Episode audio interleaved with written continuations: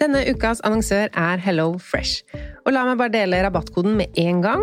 Gå inn på hellofresh.no og bruk fresh penge. Da får du opptil 1779 kroner rabatt. Og i dag tenkte jeg å snakke om matplanlegging ut ifra et hva vil jeg egentlig putte i kroppen min-perspektiv. Altså ikke hva som er godt, men hvor mange ganger i uka vil jeg spise fisk, f.eks. Og med Hello Fresh-appen så er dette så fint. Du velger bare ut fra en liste hvilke fem eller fire eller tre middager du vil spise uka etter. Og så kommer matkassa til deg på døra. Og du trenger ikke å tenke noe mer på hva du skal spise. Denne uka så blir det for meg to fiskeretter, to vegetarretter og en kyllingmiddag til guttene. Gå inn på hellofresh.no og se selv hva du kan velge mellom. Bruk koden FRESHPENGE for å få opptil 1779 kroner rabatt på de første seks matkassene dine, pluss gratis levering på den første kassa hvis du ikke har prøvd Hello Fresh tidligere. Rabatten kan du også bruke hvis du har vært kunde hos Hello Fresh, men det er mer enn tolv måneder siden.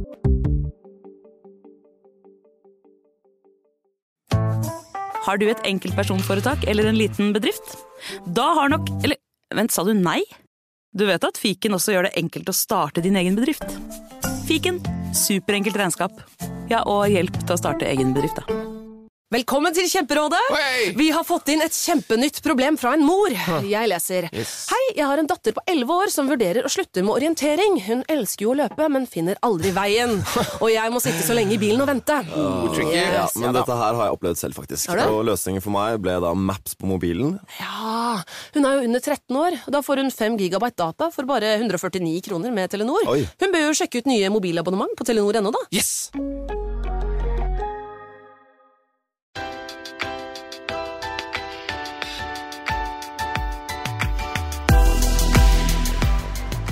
Velkommen til hytteepisoden av Pengesnakk podkast. Jeg heter Lise, og denne episoden om hytte den har jeg sikkert tenkt på å lage siden jeg kjøpte hytte. Jeg får en del spørsmål om hytte generelt, og så spesifikt om min hytte. Og om min hytte så vet jeg jo mye. Hva jeg har gjort, hva jeg tenker. Um, og så er det det at jeg har vært litt heldig. Og jeg tror det har stoppet meg fra å dele alt det økonomiske rundt hytta. Jeg er en person som liker å si til deg at jeg kjøpte leiligheten min i Oslo helt alene, uten hjelp, ikke noe samboer. Um, Jeg vil på en måte få si at det er mye som er mulig for mange å få til gjennom sparing. Og så er det sånn at veldig mange i Norge har tilgang på hytte gjennom familie og sånn, det er jo ganske vanlig. Eh, Men så har jeg tydeligvis følt litt Skam er kanskje å dra det langt, men følt meg litt bortskjemt, da, kanskje. Jeg kjente på dette i sommer, at uh, jeg ville ikke dele summer og sånn på hytta, fordi jeg havna i en heldig situasjon på grunn av familie. Det er ikke min familie, men mannen min sin familie. Og da jeg kjente det, så kjente jeg at ja, da må jeg i hvert fall snakke om det også. Fordi halve greia med pengesnakk er jo at jeg syns vi burde snakke mer om penger med hverandre. Også når vi har vært heldige. Også når vi går på en smell. Så her er greia. Tom, min kjæreste eh, og mann, allerede da vi var kjærester, så snakka han om en av sine drømmer, som var en hytte i Fredrikstad. Den trengte ikke å ligge akkurat i Fredrikstad, men det var liksom det som var eh, drømmen. Han var ganske fast bestemt på at sommerhytte, det skulle han ha. Det var en, han drømte om det. Han hadde kikka en del, sammen med foreldrene sine, eh, om han skulle kjøpe hytta alene eller med dem. Det var ikke helt bestemt.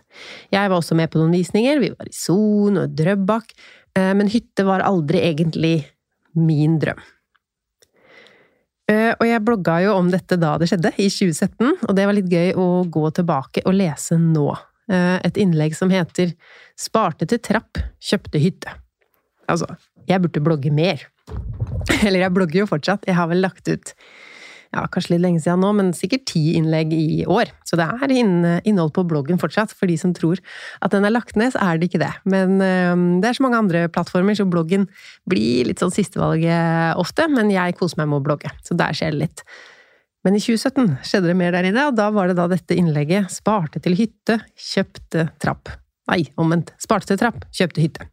I 2017 så skrev jeg om at jeg plutselig har en hytte, og kommer inn på hvorfor det aldri er dumt å spare. selv om man ikke har et sparemål. Så her skal jeg rett og slett lese opp Lise 2017-versjonen, forklare hvorfor det aldri er dumt å spare.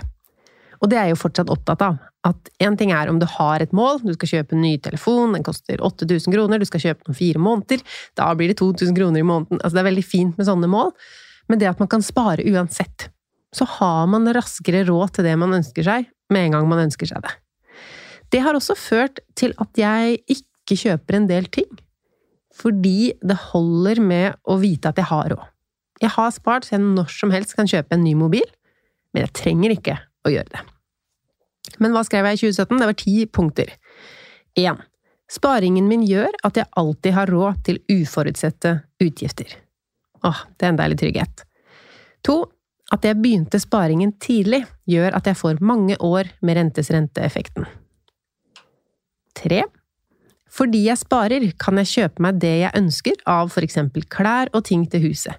Jeg slipper å vurdere avbetaling og betale for tingene lenge etter de er kjøpt, til en dyrere pris. 4.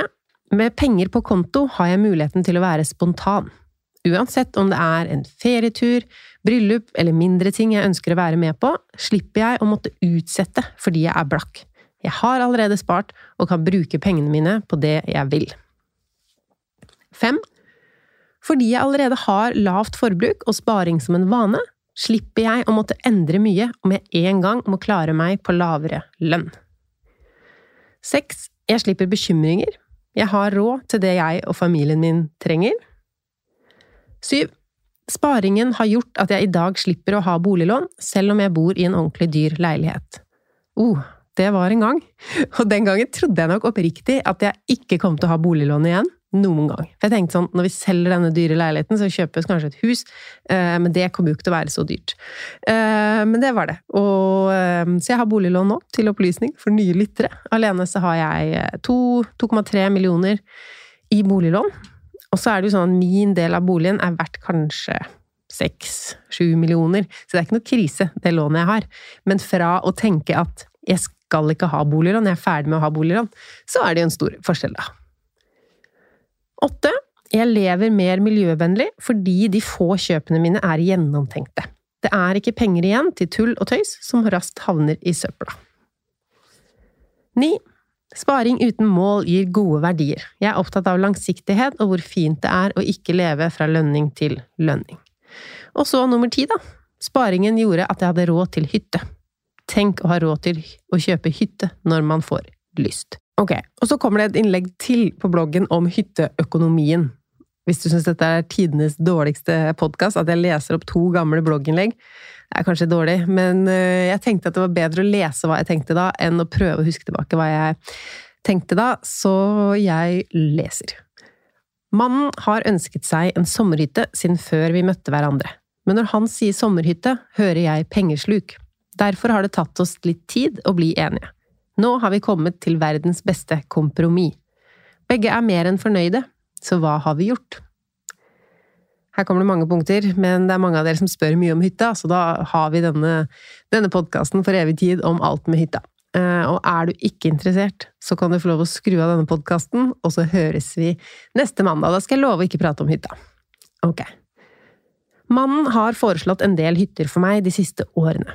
Jeg har regnet på dem og konkludert med at vi har vi kunne ha bodd på spahotell i mange netter hvert eneste år for den prisen. Det er jo ikke billig å kjøpe hytte, og det koster å eie en hytte. Jeg elsker å bade, så det med spahotell var ikke et tilfeldig eksempel. Og vi har faktisk funnet en hytte som gir tilgang til et spa på et hotell. Snakk om luksus. Hytta ligger ved sjøen, så selv uten spaanlegget er dette et ferieparadis. Det var bra jeg skrev det den gangen, fordi nå har vi faktisk ikke adgang til det spa-anlegget lenger. Eh, neste punkt. Hytta ligger under en time fra der vi bor. Det gjør at vi kan kjøre dit med elbilen uten å lade på veien. Faktisk ligger den i pendleravstand fra jobbene våre. Vi kan bo der hele sommeren om vi vil. Nå som vi har barn, har vi enda mindre lyst på lange flyturer for varmere klima, så et sommersted i Norge er helt perfekt. Vi kjøpte hytta under takst, så vi vet at vi ikke har gitt mer enn den er verdt. Hytta har vi tilgang til i sommermånedene. Resten av året leies den ut via spahotellet. Det gjør at hytta faktisk genererer inntekter. Eh, når alt kom til alt, så gjorde den ikke det, men det var i hvert fall planen da vi kjøpte, og sånn vi tenkte. Selv om inntektene varierer, vil de overstige fellesutgifter, strøm, utvask etter sommeren og andre faste kostnader. Det husker jeg ikke om det gjorde, men eh, ja. Tilbake til det jeg skrev da, jeg skal ikke avbryte, avbryte meg selv. I tillegg til pengene vi får utbetalt, settes prosenter av leieinntektene av til vedlikehold. Det betyr ingen uforutsette eller forutsette utgifter til reparasjoner, maling etc. Fordi hytta leies ut som hotellrom resten av året, er hotellet ansvarlig for innredningen. Det betyr at hytta allerede er fullt utstyrt. Vi trenger verken å kjøpe sofa, spisemøblement, utemøbler, kjeler, kjøkkenting, senger etc. Penger spart. Vi har kjøpt hytta sammen med noen andre i familien. Halve sommeren på oss og halve sommeren på dem. Halve prisen på oss og halve prisen på dem. Men det er plass til alle samtidig, så i år kommer vi til å være på hytta så mye som mulig alle sammen. På hotellet er det også et treningsrom vi kan benytte gratis, så her får jeg utnyttet noen av treningssenterabstinensene jeg har hatt etter jeg meldte meg ut av senteret i byen. Ok, ok… Um, så har det jo skjedd litt. Det hotellet jeg refererer til, det gikk konkurs, så det er ikke noe hotellavtale lenger. Så nå har vi hytta tolv måneder i året istedenfor tre. Så nå er det mye mer som en vanlig hytte enn med den tilbakeleieordninga. Eh, så da har vi ikke tilgang til bading, basseng, badstuer og sånn, så det er jo synd med det. Men eh, oppsiden er jo at vi har en hytte hele året. Men hva kosta hytta? Hytta kosta 2,2, og så var det noen omkostninger, og så delte vi jo da med svigermor. Vi eier halvparten, og hun eier halvparten. Så da ble det 1 150 000 på hver uh, husholdning, da. Og hvis vi deler igjen mellom meg og Tom, så er det 575 000 kroner for meg. Og så betalte jeg til svigermor, for svigermor var den som betalte for hytta. Og så sendte jeg henne 200 000 kroner, og så 50 000 kroner. Og så har jeg ikke sendt noe mer. Så jeg skylder min svigermor 325 000 kroner, og hun har sagt at det ikke haster. Og det rentefrie lånet der skammer jeg meg tydeligvis så mye over at jeg rett og slett ikke har tenkt på det på mange år. Altså når jeg skriver opp hvilke penger jeg skylder, at jeg skylder Lånekassa og boliglånet, så tenker jeg ikke engang på dette hyttelånet på flere hundre tusen. Eh, men så rydda jeg i hytteboden i sommer og fant den lappen med disse regnestykkene, Um, så tenkte jeg da får jeg dele det med deg, da. At jeg skylder. Jeg har mer gjeld enn uh, Jeg har ikke akkurat jugd, men jeg har ikke, ja, vi har ikke snakka om det her før. Og så vil jeg ikke at du skal si jeg kommer aldri til å få råd til hytte fordi jeg ikke har familie som låner ut penger eller vil spleise på hytte. Fordi eh, sannheten er jo at jeg hadde hatt råd. Um, jeg visste ikke heller at jeg ikke kom til å betale alt så fort som overhodet mulig. Det var jo det at vi mangla trapp, og så skulle vi spare opp til den trappa, og så skulle vi vel flytte, og så har vi hatt prosjekter gående eh, hele tiden eh, siden da. Nei, vi har hatt oppussingsstopp og vi har spart mye. Vi har rett og slett bare glemt dette lånet. Eh, hytte var jo ikke mitt prosjekt. Um, at jeg skulle eie en kvart hytte, var ikke min plan, men det er jeg så utrolig glad for i dag. Uh, for den hytta der, den har jeg Tom, barna våre, svigermor, jentegjengen min, svigermor venner Altså alle som er på besøk, har veldig mye glede av den hytta. Men så ble jo hytta mye dyrere i drift når vi ikke lenger har hotellet i ryggen.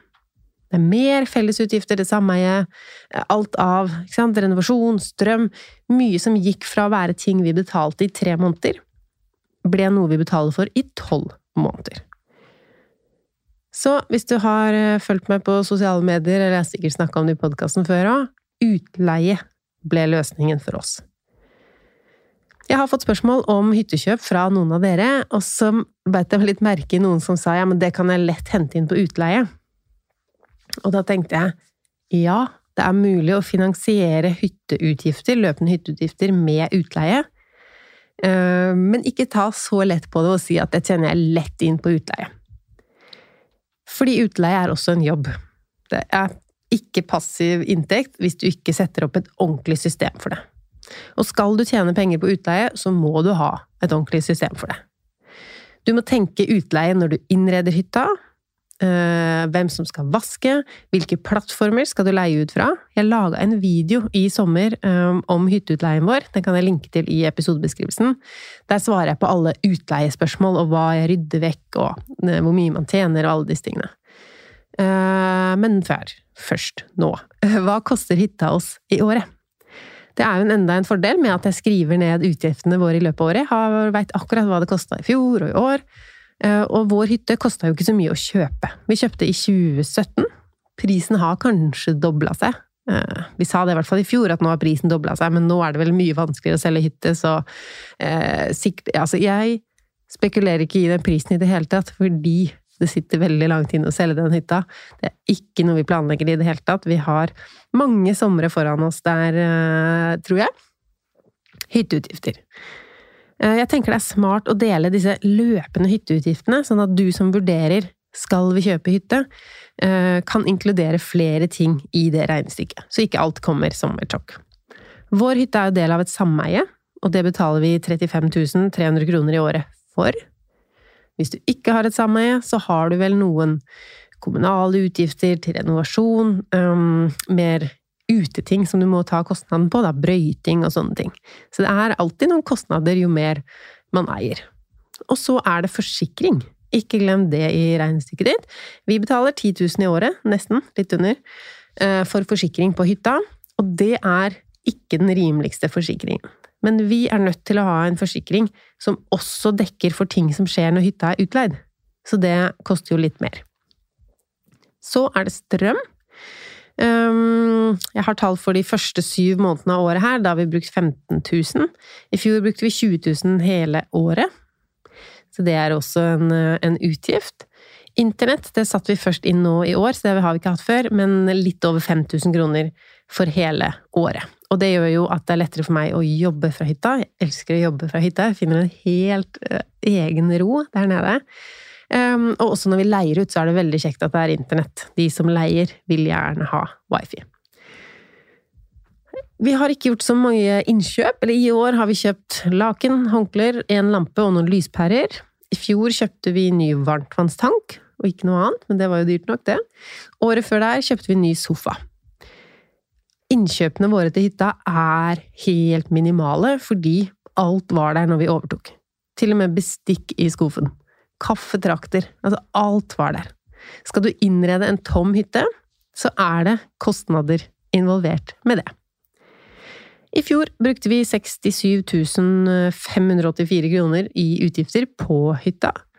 I år, etter halve året, 37 008, som på ett år blir da 75 007. Og alle disse hytteutgiftene er det bare jeg og Tom som driver med. Avtalen med svigermor er at vi ordner alt. Kanskje det er det som er rentene. At jeg faktisk betaler litt renter for å ha det lånet. Vi eh, ordner med alle de kostnadene og strøm og sånt. Um, og så er det vi som ordner alt med utleien. Uh, og da deler vi heller ikke utleiepengene med henne. Så positivt og negativt for henne. Vi ordner alt med økonomien med hytta nå. Og målet mitt er jo at vi skal leie ut for akkurat like mye som hytta koster oss, sånn at de løpende Altså at det blir et null regnestykke. Og for i år så budsjetterte vi med at hytta kom til å koste oss 90 000 kroner. La inn en buffer der. Kunne jo være at varmtvannstanken skulle ryke igjen. Nei, ikke to år på rad, men et eller annet annet, da. Så forhåpentligvis blir summen mer 75 000. Og da har det holdt for oss å leie ut hytta én gang i måneden. Vi har leid ut hytta elleve ganger til nå, og noen av de er jo en helg, mens noen av de hva er det lengste? Ti dager tror jeg det lengste vi leide ut var. Det er noe som har vært en uke, fem dager, men også en del helger. Så hva har vi tjent? Elleve ganger utleie. 76 000 kroner. Og det er før skatt. Så hvis vi får leie en tolvte gang, så kan vi betale skatt med den, og så har vi et sånt perfekt regnestykke. Én gang i måneden i snitt betale skatt, og så går det akkurat opp i opp med inntekter og utgifter. Og som sagt, hvis du lurer mer uh, på hytteutleie Det kan jo hende du eller familien har en hytte som også kan bli en inntektskilde. Se den filmen på YouTube-kanalen min om hvordan jeg gjør det og sånn. Jeg linker i episodebeskrivelsen. Når jeg sa til Tom at jeg planla en episode om hytte, og om det er noe svart vi må si om hytte, så kom han litt inn på det der med sommerhytte eller vinterhytte. Eller altså eh, hytte ved sjøen eller hytte på fjellet. Eh, hans drøm var jo sommerhytte, og det syns jeg jo er helt fantastisk. At vi har hytte ved havet, og at jeg kan ta morgenbad hver dag når vi er der. Det er det vi vil ha, og det er det vi elsker. Eh, men Tom hadde egentlig en del argumenter for fjellhytte. Og først og fremst når det gjelder utleie, at du kan leie ut mer hele året. Så vår hytte er jo desidert mest populær i uh, sommerhalvåret. Uh, eller, vi kan ikke helt si det. Vi leier jo ut nyttårshelgen, og vi leier jo ut uh, Vi har ikke helt nok erfaring til å si det, men den er i hvert fall populær i sommerhalvåret, og så litt av og til ellers. Mens en hytte på fjellet, den er topp både for å være deg selv og for utleie i vinterferien, høstferien, påskeferien, jula og i sommerhalvåret. Og masse helger du kan bruke hytta. Men der vet du jo selv hva din hyttedrøm innebærer. Det koster å ha hytte. Jeg ville aldri kjøpt det som investeringsobjekt. Um, hytteprisene er annerledes enn boligmarkedsprisene. Uh, og også når det gjelder utleie. Det er jo også en jobb. Dra ned der og vaske, snakke med de familiene om ikke bare hvordan de kommer seg inn med kodelåsen, men å foreslå aktiviteter. Altså, jeg trives veldig godt med det, og viser fram stedet vårt til folk fra hele verden. Kanskje hele verden var det langt, men hele Europa, i hvert fall. Jeg trives i hvert fall med å dele min hytte. Og når det gjelder deling av hytte, min erfaring med å dele hytte er tipp topp. Det er fint å dele hytte med svigermor. Vi styrer jo med det meste, og så bruker hun hytta så mye hun vil. Så der spørs det jo veldig hvem er det du deler hytte med. Er det sånn at noen har lyst til å bestemme eh, mye, eller at alle har lyst til å bestemme like mye, eh, så mener man kanskje forskjellige ting. Hva er det som er nyttige innkjøp til hytta, som man da skal dele på, eller hva er styling, som den andre eieren ikke er så keen på å betale? Trengs det å beises i år? Kan vi vente til neste år med ny hyttedo? Når vi først skal ha ny hyttedo, hva slags eh, Hadde dere sett for dere noe billig? Ja, nei, vi vil gå. Ikke sant? Eller hvem sin tur det er til å tømme tanken. Det er så bra hvis man får til å dele på en hytte. Når man ser på antallet tomme hyttesenger i løpet av et år i Norge, får man hyttedeling til å funke, så er det helt topp. Også økonomisk, at folk trenger ikke å eie sin egen hytte når det finnes så mange hytter, og da er det jo halv pris, da, på selve hytta. Jeg tok et bad med noen hyttenaboer i år, og de var veldig bastante på at nei, nei, det er umulig å dele på en hytte. Så har glemt å kjøpe tørkerull én gang, så er det vennskapet over. Um, så det var jo satt litt på spissen, men det er jo litt som forhold. Man må snakke sammen. Hva er rettferdig?